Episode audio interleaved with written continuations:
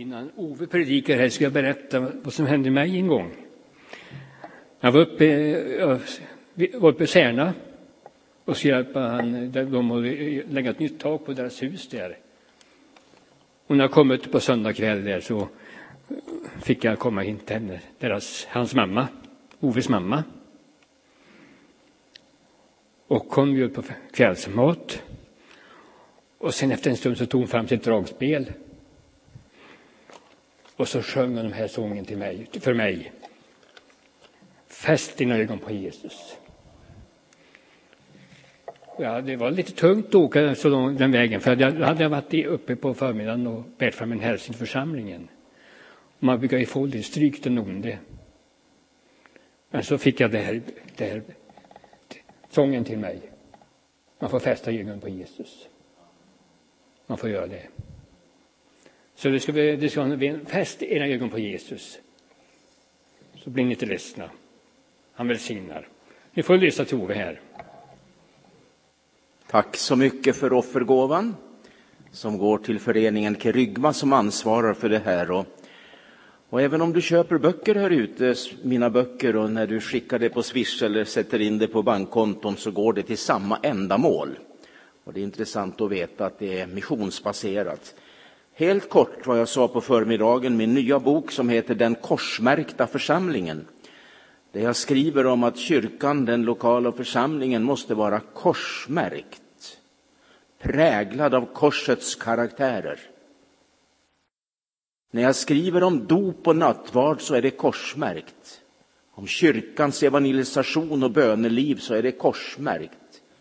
När jag skriver om det eviga hoppet så är det märkt av Jesu Kristi kors. Summan av allt vi rör oss i, det måste få vara märkt av Jesu Kristi försoning. Den kostar 190 kronor och den ligger där ute på bordet. Och min bok God jord för andlig mognad och tillväxt, den kostar 150. Och den handlar om hur församlingen ska växa och utvecklas och jag skriver om det eh, på olika sätt.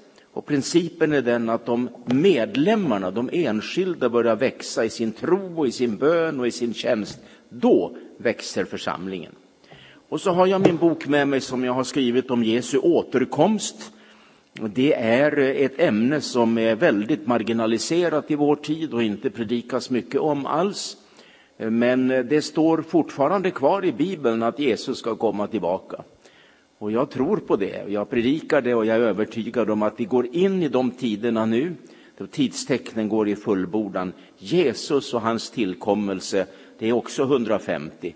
Och som jag sa på förmiddagen, om du köper min nya bok och den där, då får du den där som en bonus här i mötena den här helgen. Och det var väl bra.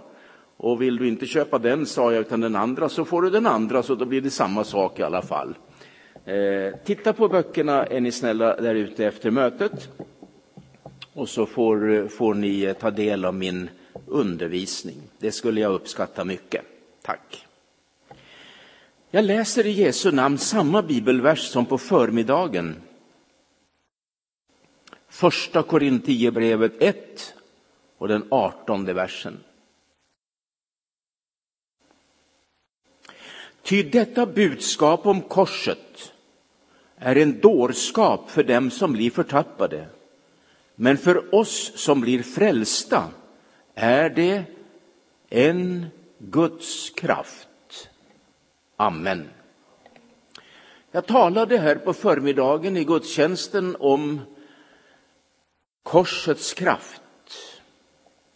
Och jag bad mina vänner betrakta Jesu kors. Och när vi gör det så finner vi ju att det är två linjer. En vertikal och en horisontell.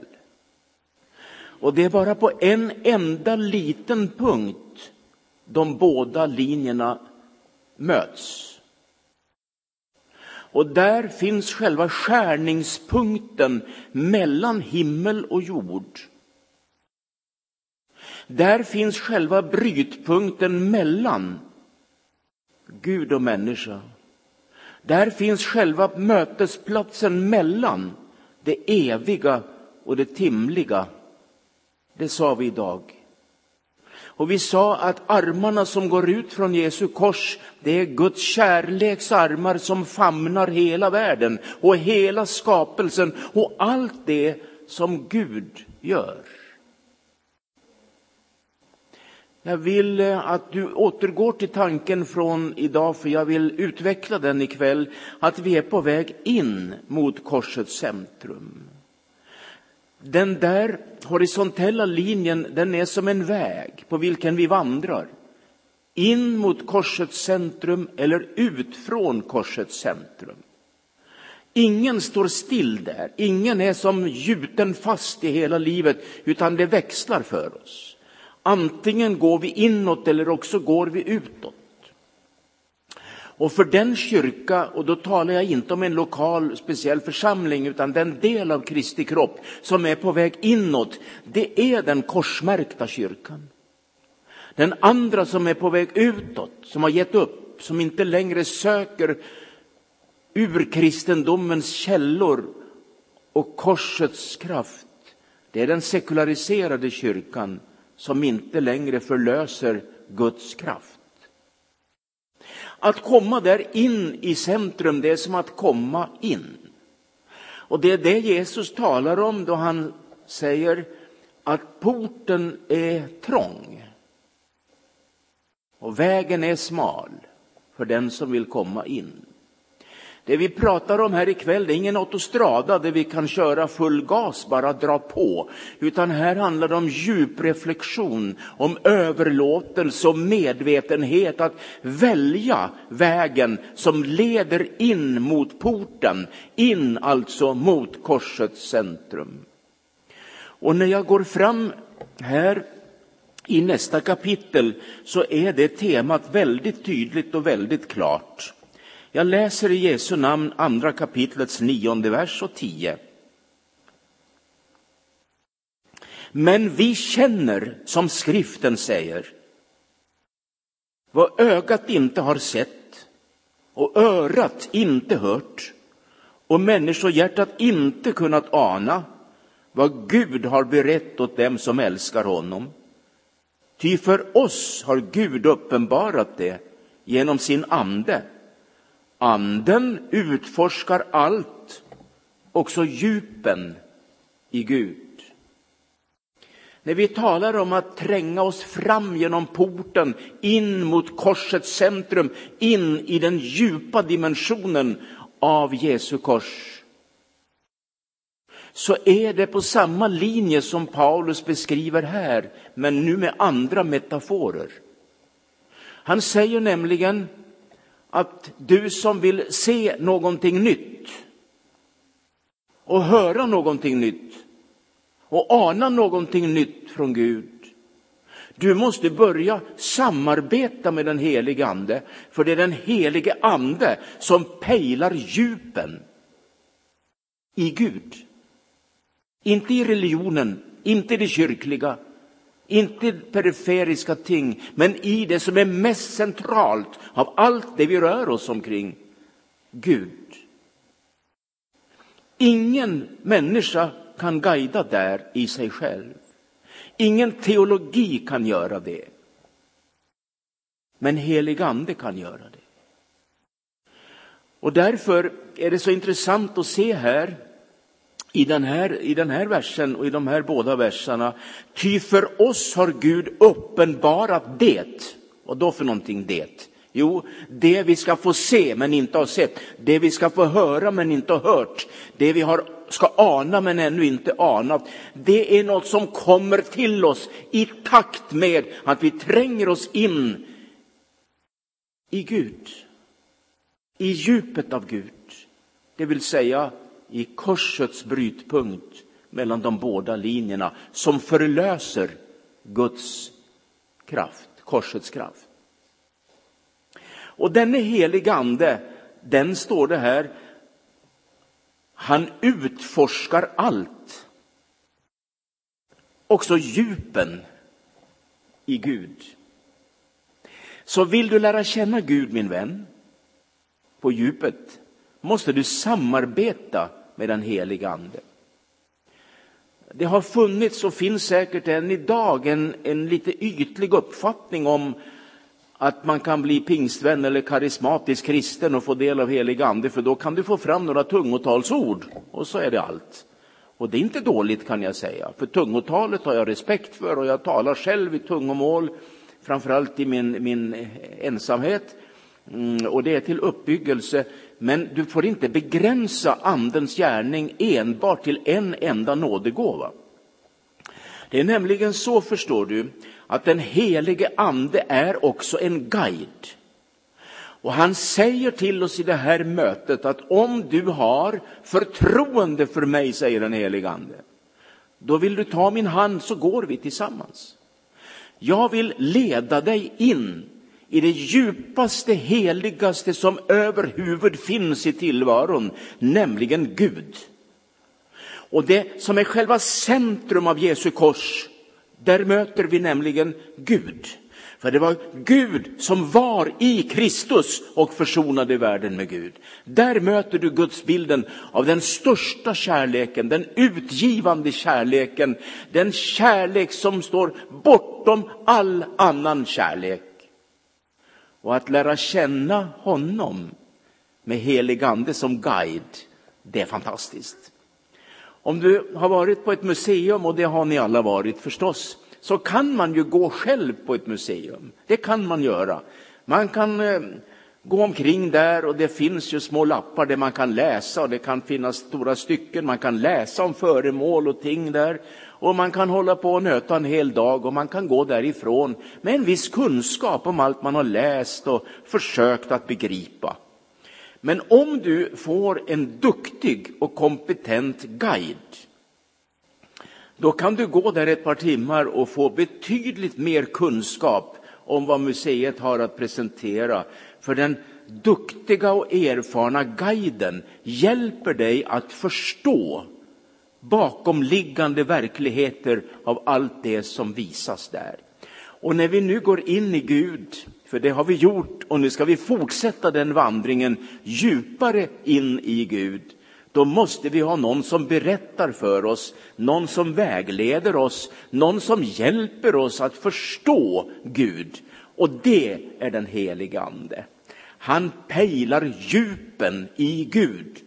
Och här heter det att han utforskar allt, också djupen i Gud.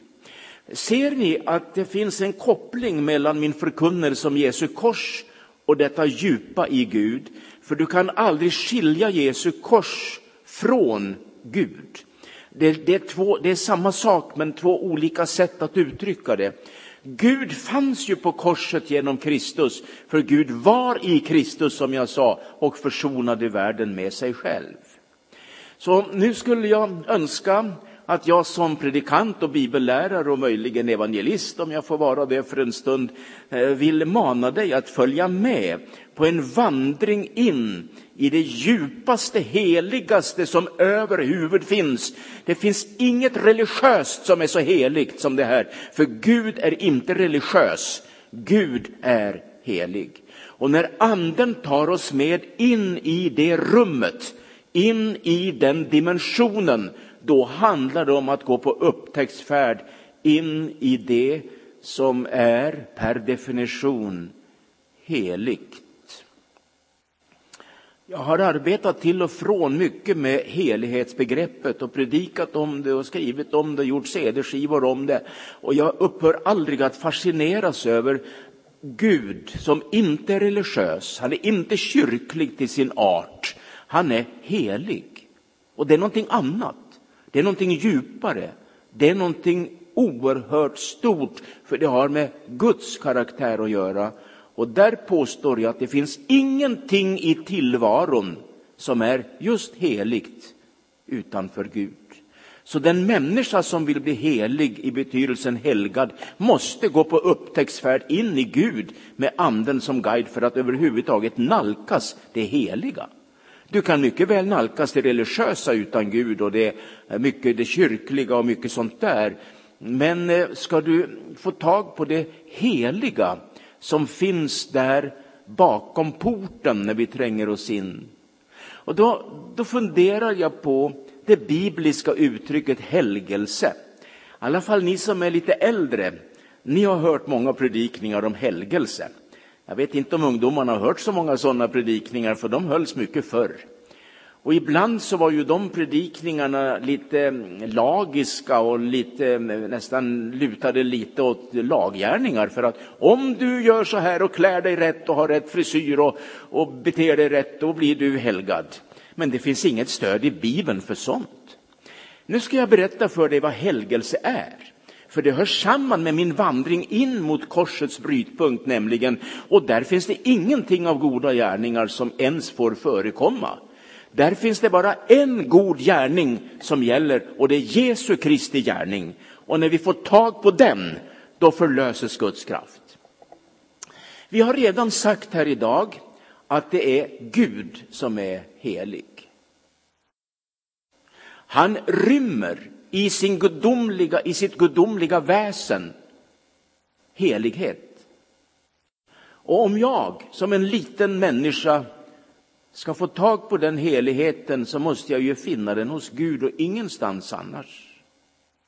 Helgelse, lyssna på det ordet. Helgelse. Och lyssna på ordet helig. Gud är helig.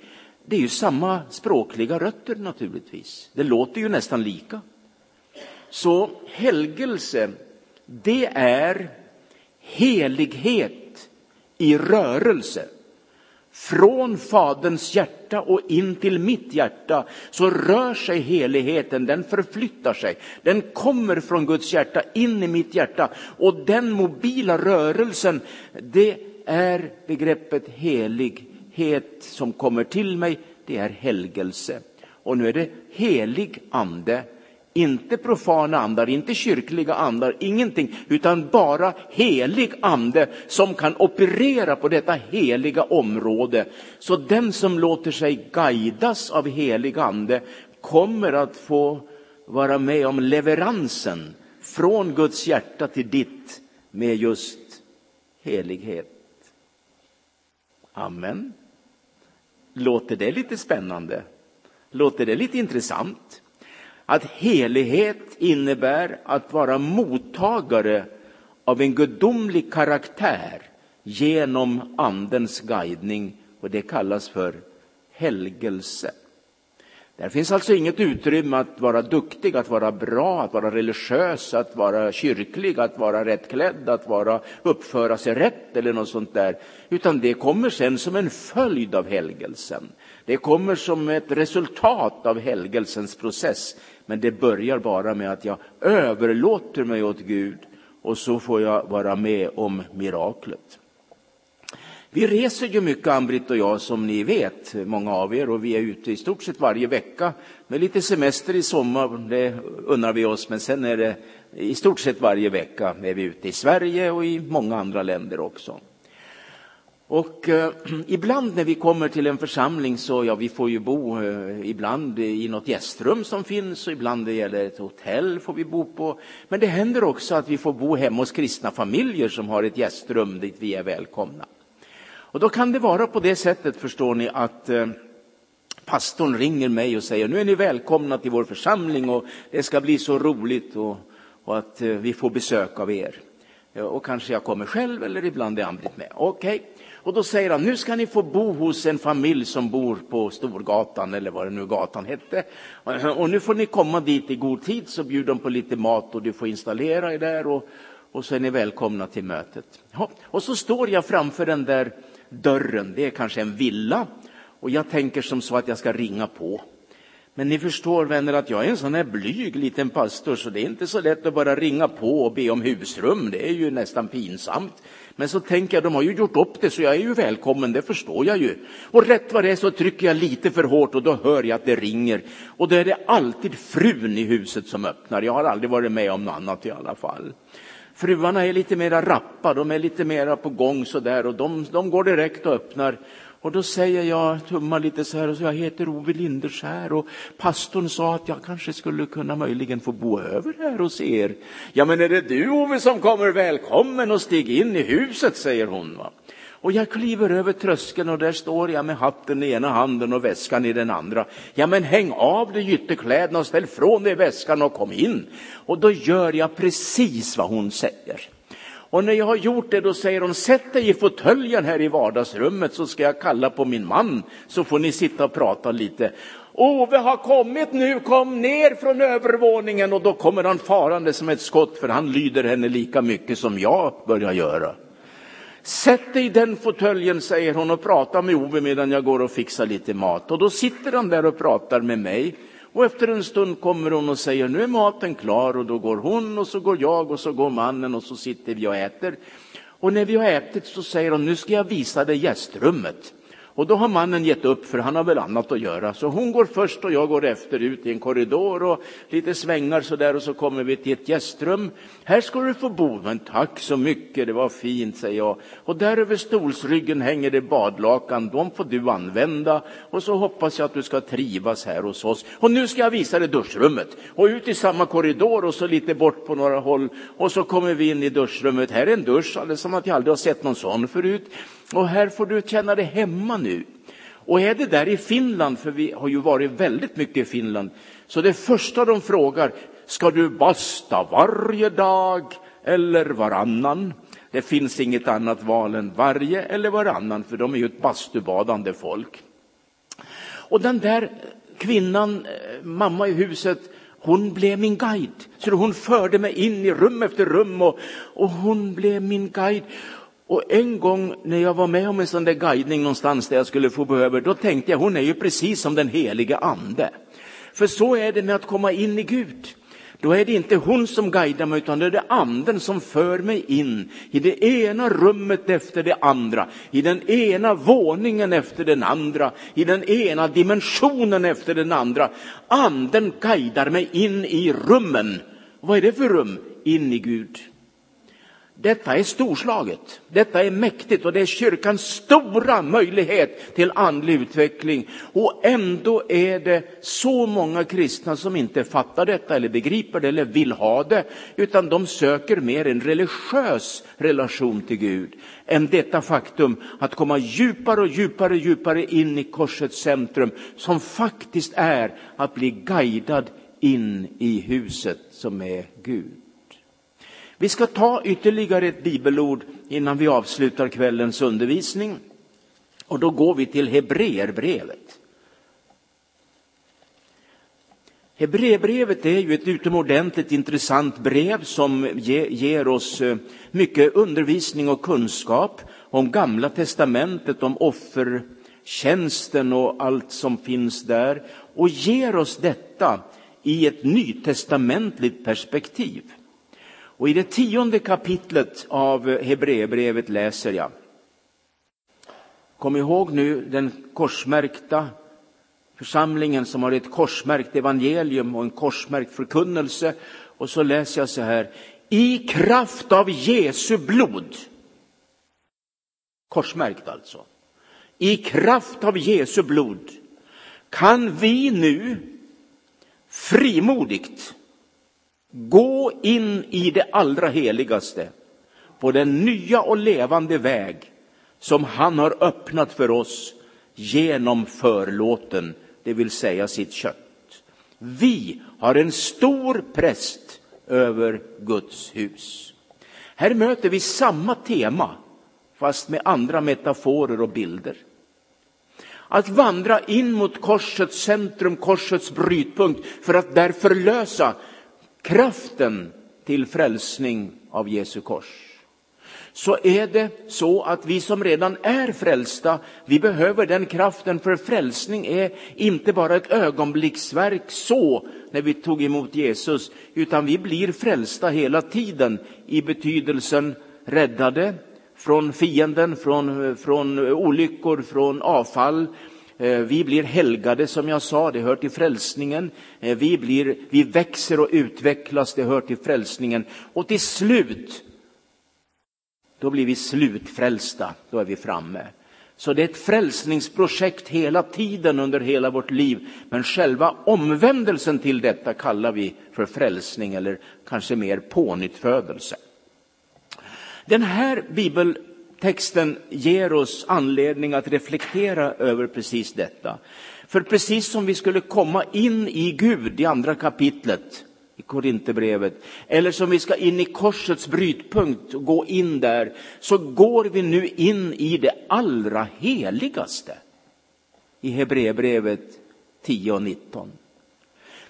I templet fanns ett rum som benämndes det allra heligaste. Det var ett märkvärdigt rum. För det stod folktomt hela året, utom en dag. Och det var på den stora försoningsdagen, när översteprästen fick gå in där och göra tjänst.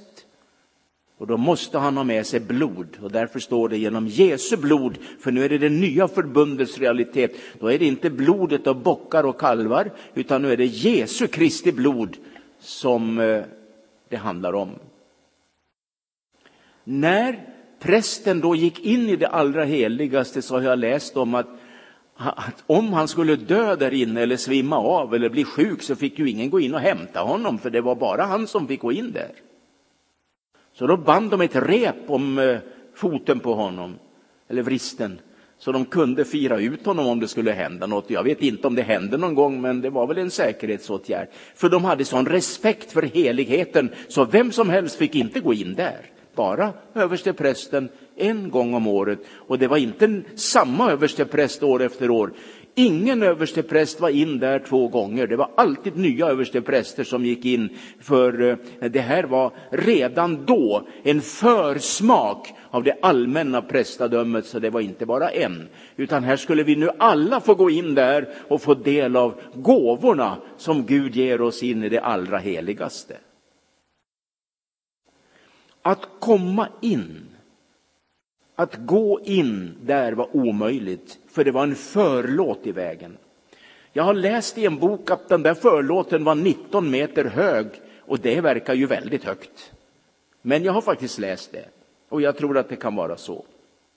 Och den var vävd i ett enda stycke. Det är ju bara ett mirakel det.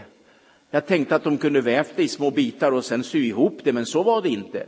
Och detta väldiga konstverk, det hade fyra färger och så var det en kerub, det vill säga en ängel, en kerub avbildad. Och den där keruben hade stått där i alla tider sedan templet byggdes som en Guds vaktmästare i någon mening. För att vakta så ingen kom in. Och keruberna var Guds vaktmästare på något vis därför att i Edens lustgård när människorna hade syndat så ställde Gud keruber med ljungande svärd för att vakta Edens lustgård. I alla fall så kunde ingen komma in där och det var som om Gud satt upp en skylt. Det fanns väl ingen skylt där, men den fanns osynlig på något vis. Obehöriga äga ej tillträde. Har ni stått framför någon dörr någon gång där det har stått de där orden? Och du vill bara gå in och kolla, men du får inte komma för du är obehörig. Det är inget roligt alls att vara obehörig. Det är roligare att vara behörig så man kan gå in och kolla vad som finns bakom dörren. Men på korset, när Jesus Kristus dog för våra synder och när han utropade det är fullbordat, så hände det något med keruben och därmed med förlåten. Den rämnade uppifrån och ända ner. Då hände följande att det blev en halv kerub åt vänster och en halv kerub åt höger. Och två halva keruber kan inte göra jobbet som vaktmästare. De blev avskedade båda två, båda halvorna. Och Gud satte upp en ny skylt i någon mening. Alla är välkomna in. Och jag vet inte om han skulle ha formulerat det som jag formulerade den gång när jag predikade i en sommarkonferens och det var servering på en bondgård på ladan där ovanför ladugården. Mycket folk, det var det där. Och jag stod i kö för att komma upp där och få äta, för jag skulle snart upp till predikstolen och predika igen, för det var ju möten hela dagen där. Då var det en man som sa, men du som ska på predika snart igen, du måste väl gå före kön så du hinner äta i lugn och ro en förståndig kar. Han begrep ju lite vad det handlade om, men eftersom jag är en sån där blyg predikant så vågar jag aldrig gå förbi, utan jag tänkte jag står väl kvar. Och då sa jag till honom, broder, sa jag, här har alla tillträde, men ingen har företräde. Det lät ju nästan som Augustinus eller något sånt där. Men det var faktiskt Ove som sa det. Och det var som att när Jesus dog på korset så togs skylten bort, obehöriga äga ej tillträde, och så stod det istället, alla har tillträde, men ingen enda har företräde framför någon annan. När vi vandrar in mot korsets brytpunkt så är det ingen som får gå före någon annan. Inte pastorn eller församlingsledaren eller biskopen eller påven. Inte ens påven har företräde. Ingen har företräde. Men alla har tillträde. Visst är det härligt? Templets förlåt brusten är. Och nu är vi välkomna in. Och nu står det här att det finns en ny och levande väg in genom förlåten in i det allra heligaste. Och alldeles minuterna innan jag avslutar min predikan så vill jag tala om för dig att nu är du välkommen in. För det är öppet nu. Och vad är det för väg som vi ska gå in på? En ny och levande väg. Hur ska jag förstå det? Jag kan minnas när jag var en ung pastor i pingstförsamlingen i Huskvarna. Det är många år sedan nu. Och då, då hade vi besök av en mycket känd riksevangelist, John Hedlund från Missionsförbundet och det var väldigt bra minns jag, i tältet. Och en kväll sa han följande. Efter kriget på 40-talet så var jag i Helsingfors och predikade. Jag gick omkring i den stora staden och såg ödeläggelsen från kriget, hur hus och fastigheter var sönderbombade. Men jag såg också hur man byggde upp sin stad igen. Så kom jag och gick på trottoarerna och fick se ett alldeles nybyggt, väldigt modernt varuhus. Han sa inte vad det var för något, men det kan man väl begripa själv att det var Stockmans. Det är ju världskänt. Och det var bara stora glasdörrar, sa han, och det hade han inte sett i Sverige på 40-talet. Man kunde titta in och såg, det var ett stort varuhus och folk gick och handlade där. Och så såg han en trappa upp till övervåningen, berättade han.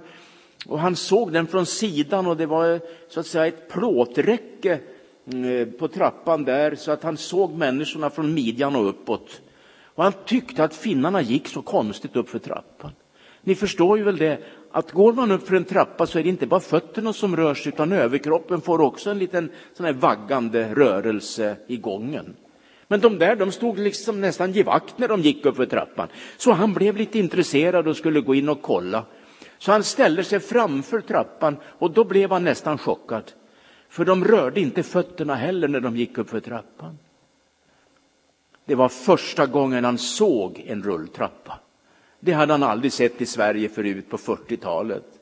Och han står bara och begrundar den väldiga synen han ser, att de går upp för trappan utan att röra på fötterna. Den där trappan orkade med både stora och små. Den orkade med deras påsar och kassar och väskor. Den tog rubbet av allt som ställdes på den och de fördes med trappan upp till den övre våningen där det också var affärsverksamhet. Då sa han till smålänningarna nere i Huskvarna på täl, i tältet, så är det med den här texten, sa han som han hade läst. Gud har berett en ny och levande väg som inte går ner i källan, men den går in i det allra heligaste. Och du behöver inte kämpa för att komma in. Stå still bara, sa han. Stå där, ställ dig på vägen, så är det vägen som gör jobbet. Och då tänkte jag på Johannes 14. Jesus är den vägen. Han är livet också och sanningen, men han är vägen. Så vad vi får göra nu ikväll, det är att vi får ställa oss på vägen. Med allt det som är du och allt du har att bära på och kämpa med. Ta med dig alltihop du och bara ställ dig där. Så kommer Gud att ta hand om dig och hjälpa dig och frälsa dig. Och så förlöser du kraften av korset in över ditt liv och in över dina problem och dina bekymmer och kanske dina mörka områden av ditt liv så kommer ljuset att flöda in där istället och det sker ett mirakel in i din verklighet och in i ditt liv. När du går på den nya och levande vägen in i rummet där skylten finns. Ingen har företräde men alla har tillträde. I Jesu namn. Amen. Herre, jag ber om beskydd för mina ord och min predikan så att det får stanna och bära frukt i människornas hjärtan. I Jesu namn. Amen.